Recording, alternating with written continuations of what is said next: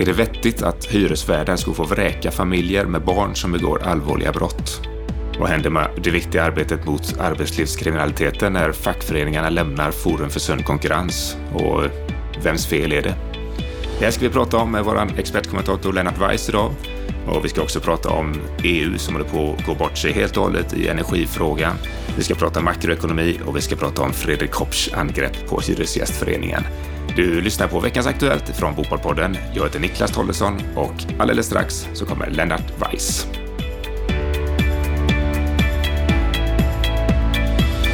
Så, då är Lennart Weiss med oss här i veckans Aktuellt och eh, vi ska börja med frågan om att vräka kriminella barn. Det pågår ju sedan i somras en utredning som ska göra det lättare att vräka kriminella och regeringen ger nu ett tilläggsdirektiv till den här utredningen och eh, det går ut på att hyresvärdar ska kunna vräka hela familjer om ett barn hushållet begår grova brott i hemmet eller i närområdet. Ja, vad, hur ser du på det här Lennart? Jag tycker det här är ett bra exempel på att eh, man har ett gott ändamål men går vilse eh, i argumentationen och i, de principiella tankarna överhuvudtaget. Först som sist så menar jag så här, jag är helt enig eh, om att, att familjer oavsett om det är barn eller vuxna, som eh, uppträder störande mot sina grannar, trakasserar, de är hotfulla, eller allmänt ordningsstörande, de ska kunna vräkas för då, de är en ordningsstörning i fastigheten. Så på den punkten kan vi vara ense. Eh, och, och, och, och, först som sist så tror jag faktiskt också att det är där lagstiftningen till slut kommer att landa. Därför att vi har inte kollektiv bestraffning i svensk rättstillämpning och vi har aldrig i någon gång eh, varit inne på linjen att ge hyresvärdar allmänna rättsvårdande uppgifter i, i samhället. Det är polis och åklag, åklagarämbete och andra som har den uppgiften. Så här har helt enkelt, menar jag, regeringen snurrat till det och det är en tyvärr en symptomatisk effekt av att Sverigedemokraterna utövar starkt inflytande över de här frågorna och då grumlar man till det. Men det kommer aldrig ske, det vågar jag säga redan nu, att justitiedepartementet kommer lämna från sig en proposition med innebörd att fastighetsägare ska få uppgifter som egentligen ligger närmare polisen. Det är, det är helt orimligt. Men tror du att eh, om man inför den här regeln att fastighetsvärdar får vräka eh, hela familjer, kommer de att göra det? Kommer de att använda den här lagen? Ja, det var ju det som, det, det, var ju intressant med de olika länkarna du har lagt upp och sett och hört den här veckan därför att du ser ju själv att det är flera fastighetsägare som uttalar stor tvekan.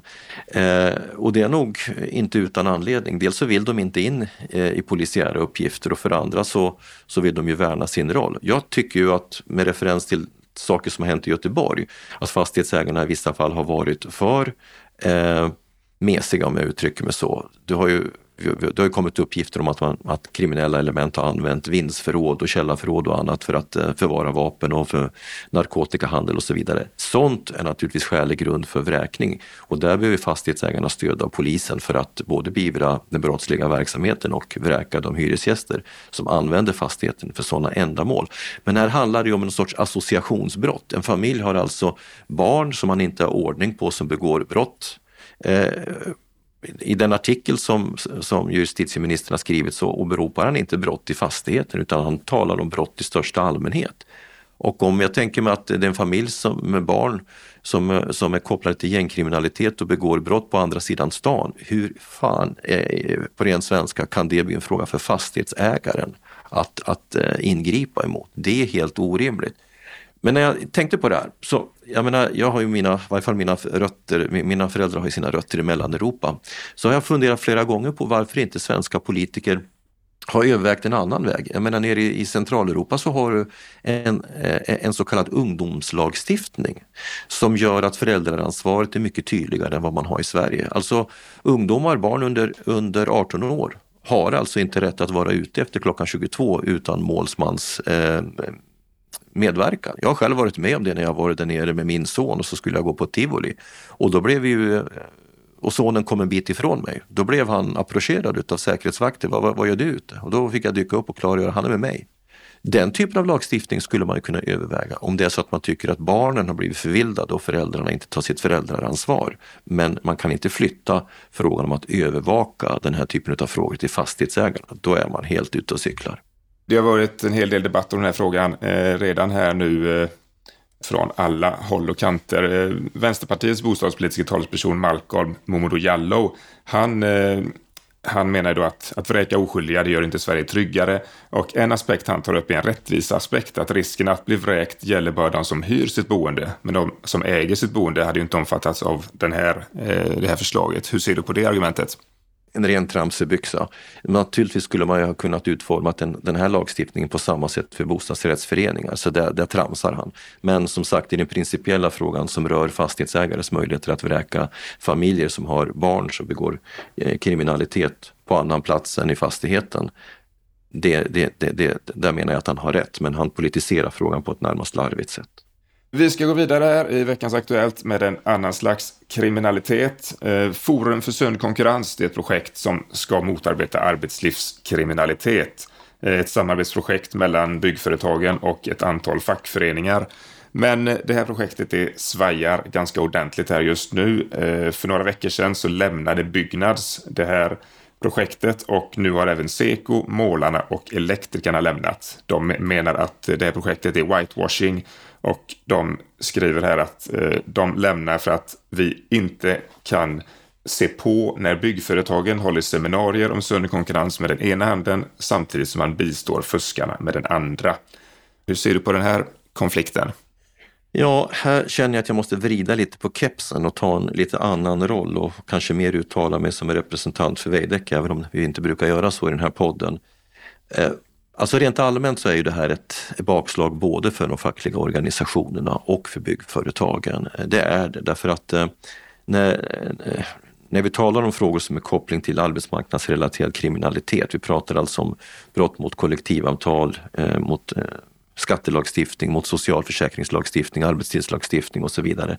Så är det ju så att enligt den modell vi har i Sverige, den så kallade partsmodellen som lyder under en särskild lagstiftning som vi kallar för partsautonomi, så är det parterna i Sverige som har ansvaret för att reglera villkoren men också säkerställa att de efterlevs. Det finns alltså ett partsansvar och när det gäller sådana här frågor så, så utgår det också från att parterna ska samspela med varandra. De har ett gemensamt städuppdrag för att den svenska arbetsmarknadsmodellen ska fungera. Nu kliver facket av.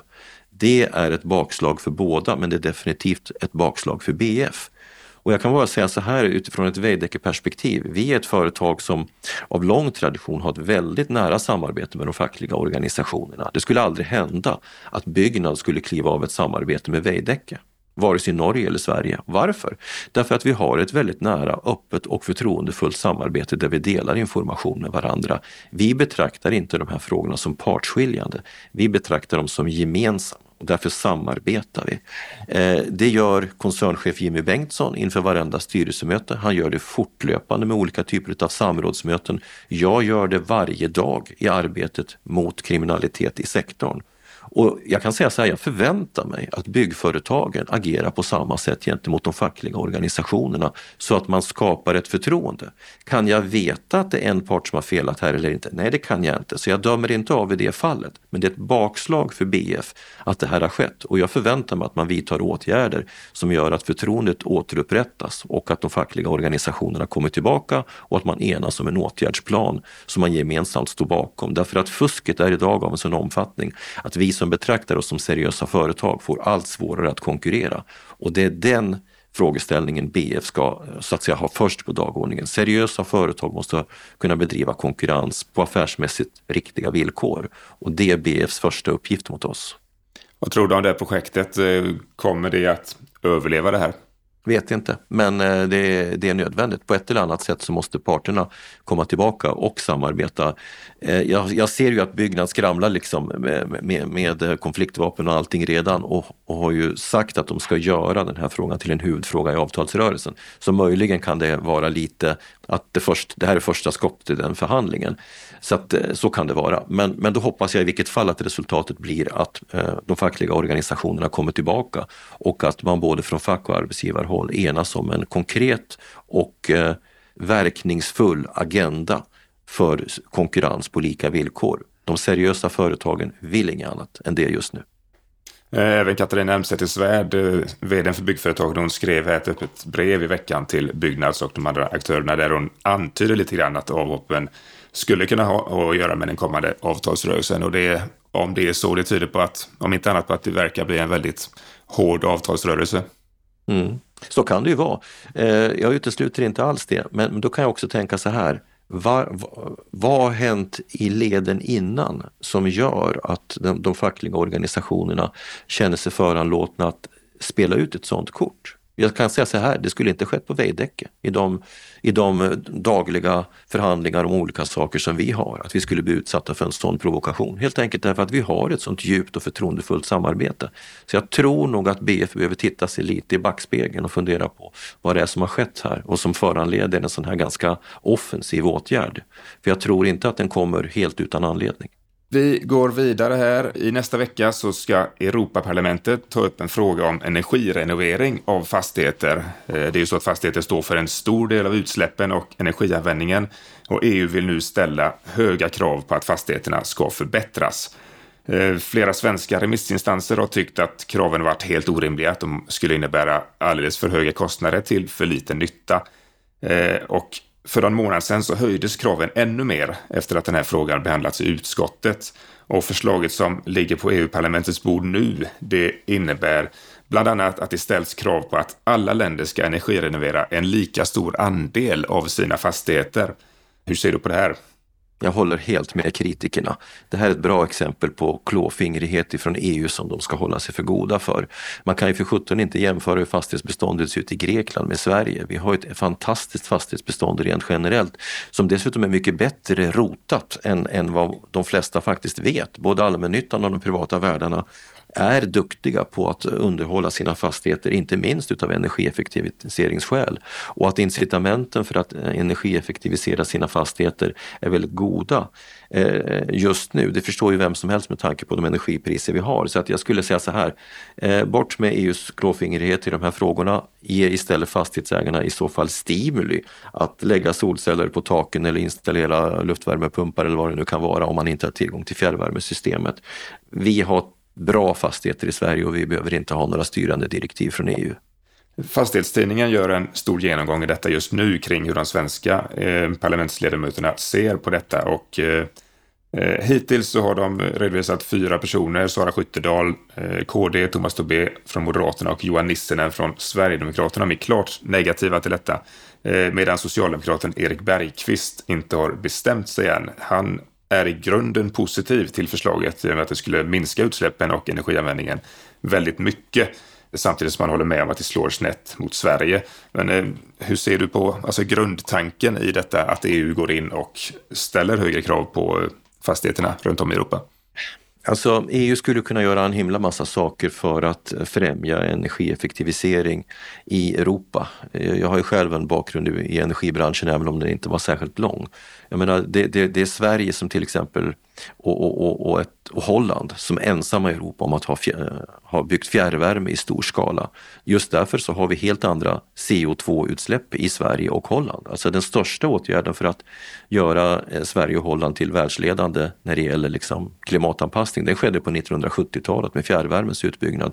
Varför har inte EU engagerat sig i det? Det finns hur mycket spillvatten som helst ifrån europeiska kolkondensverk eh, och så vidare som skulle kunna användas för att använda spillvärme spillvärmen och därmed minska behovet utav energiproduktion i olika avseenden. Men EU har inte gjort ett skvatt åt de frågorna utan nu vaknar de och det har ett drag utav populism över sig men dessutom så blir liksom draget av överstatlighet i de här frågorna alldeles för stora. Så jag håller med opponenterna i den här frågan och hoppas att Socialdemokraten lyssnar på kritiken ifrån fastighetssektorn i Sverige. Vi får se hur det blir. Nästa vecka ska Europaparlamentet alltså ta upp den här frågan. Eh, vi går vidare med en annan fråga som är ständigt aktuell i dessa dagar. Eh, inflationen och ränteutvecklingen. Det har kommit fortsatt väldigt höga inflationssiffror i veckan. Och eh, enligt Matpriskollen så steg matpriserna med 2,1 procent bara i februari. Handelsbanken har höjt sin ränteprognos. De tror nu på 75 punkters höjning i april, ytterligare 50 i juni och då når styrräntan hela 4,25 procent. Det pratas om att Riksbanken kan komma att kalla in till ett extra möte för att höja räntan före aprilmötet. Samtidigt som både eh, Robert Boye och Annika Winst med tunga ekonomer varnar för att Riksbanken tar i för mycket. Så det är många motstridiga bud här. E- Erik Thedéen, riksbankschefen, var med i eh, Ekots lördagsintervju och han var tydlig med att det inte blir några mellanmöteshöjningar och 25 eller 50 punkters höjning i april. Eh, hur ser du på allt som har med detta att göra just nu? Mm, jag lyssnade på lördagsintervjun. Eh, jag delar inte eh, Robert Bergqvist, alltså SEBs chefsekonom, när han säger att eh, Thedéen låter duvaktig. Han har ett mjukare tonläge och en mer resonerande retorik, vilket jag uppskattar jämfört med sin företrädare eh, Ingves. Och då vet ju du och de som lyssnar på Bopolpodden att jag regelmässigt brukar vara kritisk även mot Thedéen. Men jag tycker faktiskt att han har en, en, en bättre och mer pedagogisk eh, attityd till de här frågorna än sin företrädare.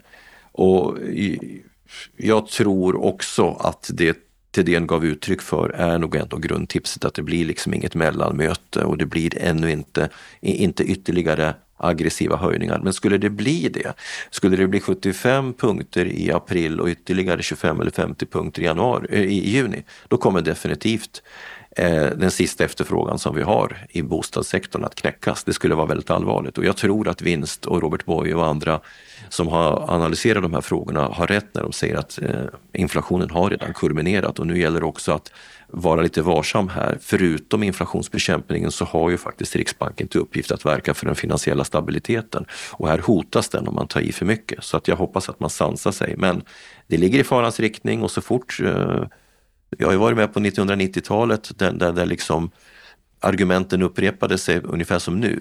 Försvaret av kronan fick liksom legitimera vilka åtgärder som helst och vi vet att det gick helt åt skogen då. Och det finns risk att det gör det även nu. Och Robert Boye har ju visat med sina analyser att, eh, att eh, det har väldigt liten effekt på, på så att säga, den, den importerade inflationen att eh, hålla räntan hög. Utan man bör sansa sig och, och se till att väga av mellan olika intressen på ett klokt sätt. Ja, vi ska avsluta med att prata just om lite olika intressen. Eh, Timbros chefsekonom Fredrik Kopsch, eh, han har skrivit ett eh, inlägg på Timbros sajt eh, där han menar att en av anledningarna till att vi har en så dåligt fungerande bostadsmarknad idag är att särintressen har alldeles för mycket inflytande. Eh, och då är det framförallt Hyresgästföreningen han menar när han skriver det. Eh, han kallar Eh, Hyresgästföreningen för socialdemokratins gerillagrupp. Hur hur ser du Lennart som socialdemokrat på det? Jag gillar ju eh, Kopps eh, energi. Jag skulle möjligen kunna kontra och säga att han, han har blivit lite utav Timrås blå taliban. Men jag säger det faktiskt med sympati också för att debatten skulle mista sin sälta om vi inte hade sådana som eh, Kopsch. Så att eh, jag tycker det är bra ibland att han vispar runt. Han har inte fel tycker jag när det gäller ifrågasättandet utav partsmodellen. Alltså vi har ju debatterat den här trepartsöverenskommelsen flera gånger här i Bopolpodden och de som följer podden hör ju att Kent Persson har en nyans i det här, Stefan Attefall en annan och jag står lite med spagat mitt emellan dem. Ehm, det finns definitivt eh, svagheter i, i systemet och det, om vi kopplar det då till det som Kopsch konkret belyser så håller jag med honom och inte med honom. Jag, jag förstår inte hur eh, fria nyproduktionshyror egentligen skulle kunna lösa något problem. Att det skulle leda till 10 000 fler byggda bostäder. Dessutom i den här marknadsmiljön, det tror jag verkligen inte på. Alltså den, den, den, det skulle inte parera det fundamentala skifte som vi har i den finansiella miljön och, och, bortfallet, och dessutom bortfallet av hyresgästernas eh, ekonomiska köpkraft och så vidare. Så det är rent nonsens. Däremot så har ju Hyresgästföreningen och även jag då får jag ju säga då en svaghet. Vi som försvarar bruksvärdessystemet kommer ju billigt undan på ett sätt därför att Arbetsmarknaden behöver ju snabbt tillgängliga bostäder, dessutom i centrala lägen. De som hänvisar till Bryssel och andra metropoler i Europa där du snabbt kan få tag på en hyresrätt har ju inte fel när de säger att det behövs för arbetsmarknadens skull snabbt tillgängliga bostäder. Och då måste de vara dyra. Det måste de faktiskt vara. Annars är de inte snabbt tillgängliga. Alltså Hyresgästföreningens recept i det fallet, bygg mer, funkar inte. Du kan inte lösa de dynamiska tjänsteföretagens behov genom att bygga fler hyresrätter i Skärholmen för att liksom nämna en stadsdel i Stockholm. Så där har ju vi en svaghet i argumentationen. Men, men eh, tyvärr så har ju den här debatten en tendens att leva efter sina egna ideologiska eh, skiljelinjer och tyvärr så faller ju Kopsch i den fällan också. Han gör det här till en fråga om form och principer istället för att diskutera vilka konkreta problem som ska lösas och hur de ska lösas. Och tyvärr skulle inte de här problemen lösas med Kopsch recept heller. Det, jag, jag, kan inte se det eh, i, i någon större utsträckning i varje fall. Um, utan vi, vi behöver ta ett, eh, ett bredare omtag på systemet och, och, och enas om vad vi menar med bruksvärde och hitta ett flexiblare sätt att uh, värdesätta kvaliteter på olika sätt. Så antingen klarar bruksvärdesystemet av det eller så kommer vi få en debatt om det och det skulle inte gynna Hyresgästföreningen. Så att det ligger i deras intresse också att vara pragmatiska i de här diskussionerna. Håller du med Kopsch om att eh, särintressen som Hyresgästföreningen har för mycket inflytande? Ibland så, så kan jag nog tycka att man har missbrukat det. När det gäller förhandlingssystemet så som det fungerar så finns det exempel. Jag har hört alldeles för många exempel på att eh, företrädare för Hyresgästföreningen eh, så att säga inte bryr sig om hur ekonomin ser ut för enskilda företag, hur kostnader har påverkat verksamheten. Och det ser vi just nu också i debatten om, om vilka hyresjusteringar som, som behöver göras med hänsyn till det ekonomiska läget som fastighetsägarna har. Så att där finns det ibland både en brist på kunskap och en brist på flexibilitet. Man hamnar helt enkelt för mycket i den fackliga rollen om jag uttrycker mig så. Men, men som jag sa förra veckan när jag kommenterade hyresförhandlingarna så sa jag också att delvis förstår jag det därför att det finns en interna spänningar i Hyresgästföreningen där ledningen är pressad utav Vänsterpartiet och som försöker äta sig in och göra politik utav en svag ledning då. Så att eh, de har ett problem och då kan man möjligen säga att Kopsch har rätt. Det finns brister i partsystemet därför det finns andra agendor än de frågor som borde diskuteras. Att reda ut det där är inte helt lätt. Ja, vi har inget Just nu kan jag inte se att det finns något annat system som eh, skulle kunna fungera mycket, mycket bättre. Men att det finns svagheter, det kan jag hålla med honom om och de behöver diskuteras. Så du säger är att eh, om man går tillbaka till det här med en socialdemokratisk gerillagrupp så kan det till och med vara på väg att bli en vänsterpartistisk gerillagrupp, Hyresgästföreningen?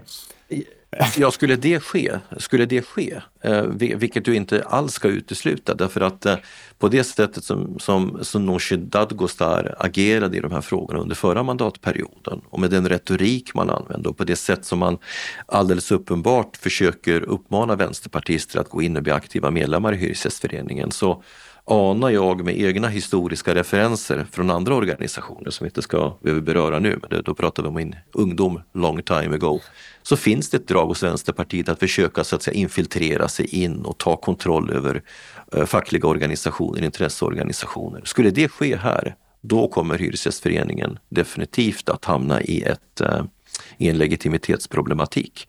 Och då kommer du få en debatt på allvar om, om partssystemets vara eller inte vara. Men jag hoppas att vi inte hamnar där, för jag tycker ändå att det i allt väsentligt är väldigt kloka personer som sitter i, den, i Hyresgästföreningens ledning. Och att de skulle vara någon sorts uttalad socialdemokratisk gerillagrupp, det håller jag inte med om heller. Det tycker jag är en överdrift. De, de slåss för sina intressen, men ibland kanske inte med de avvägningar och nyanser som jag själv skulle önska också. Men de har en svår roll. Vi kommer få höra mer om Fredrik Kopsch framöver. Han har precis skrivit en bok som heter Allt du behöver veta om bostadspolitik. Vi kommer säkert att återkomma till den och honom senare här. Eh, men detta var allt från Bopolpodden för idag. Eh, vi är tillbaka på måndag. Då är Anna Bellman tillbaka och eh, hon gör en mycket intressant intervju med Ylva Sorby Westman som är vd för Neobo som nyligen knoppades av från SBB, noterades på börsen för en månad sedan ungefär och som nu handlas till en väldigt stor rabatt jämfört med substansvärdet. Det är ingen tvekan att det är ett utmanande läge, men eh, på sätt och vis är det också lite utmanande. Liksom, det går inte bara att sitta på sin stol och eh, eh värdena stiger varje kvartal och eh, liksom, eh, man bara kan leverera ökade och ökade värden. Nu gäller det verkligen att vara på tå och ha koll på kostnaderna och lägga en bra finansiell plan för att man ska klara av ett stigande räntor och, och ett mer långsiktigt högre räntenivå. Ja, det är utmanande tider Missa inte Ylva Sarby Westman. Avslutet släpps på måndag alltså. Gå gärna in på bostadspolitik.se och läs det senaste och teckna dig för vårt kostnadsfria nyhetsbrev som numera kommer ut två gånger i veckan, tisdagar och fredagar. Tack till dig Lennart och tack till er som har lyssnat och se nu till att få en riktigt fin helg.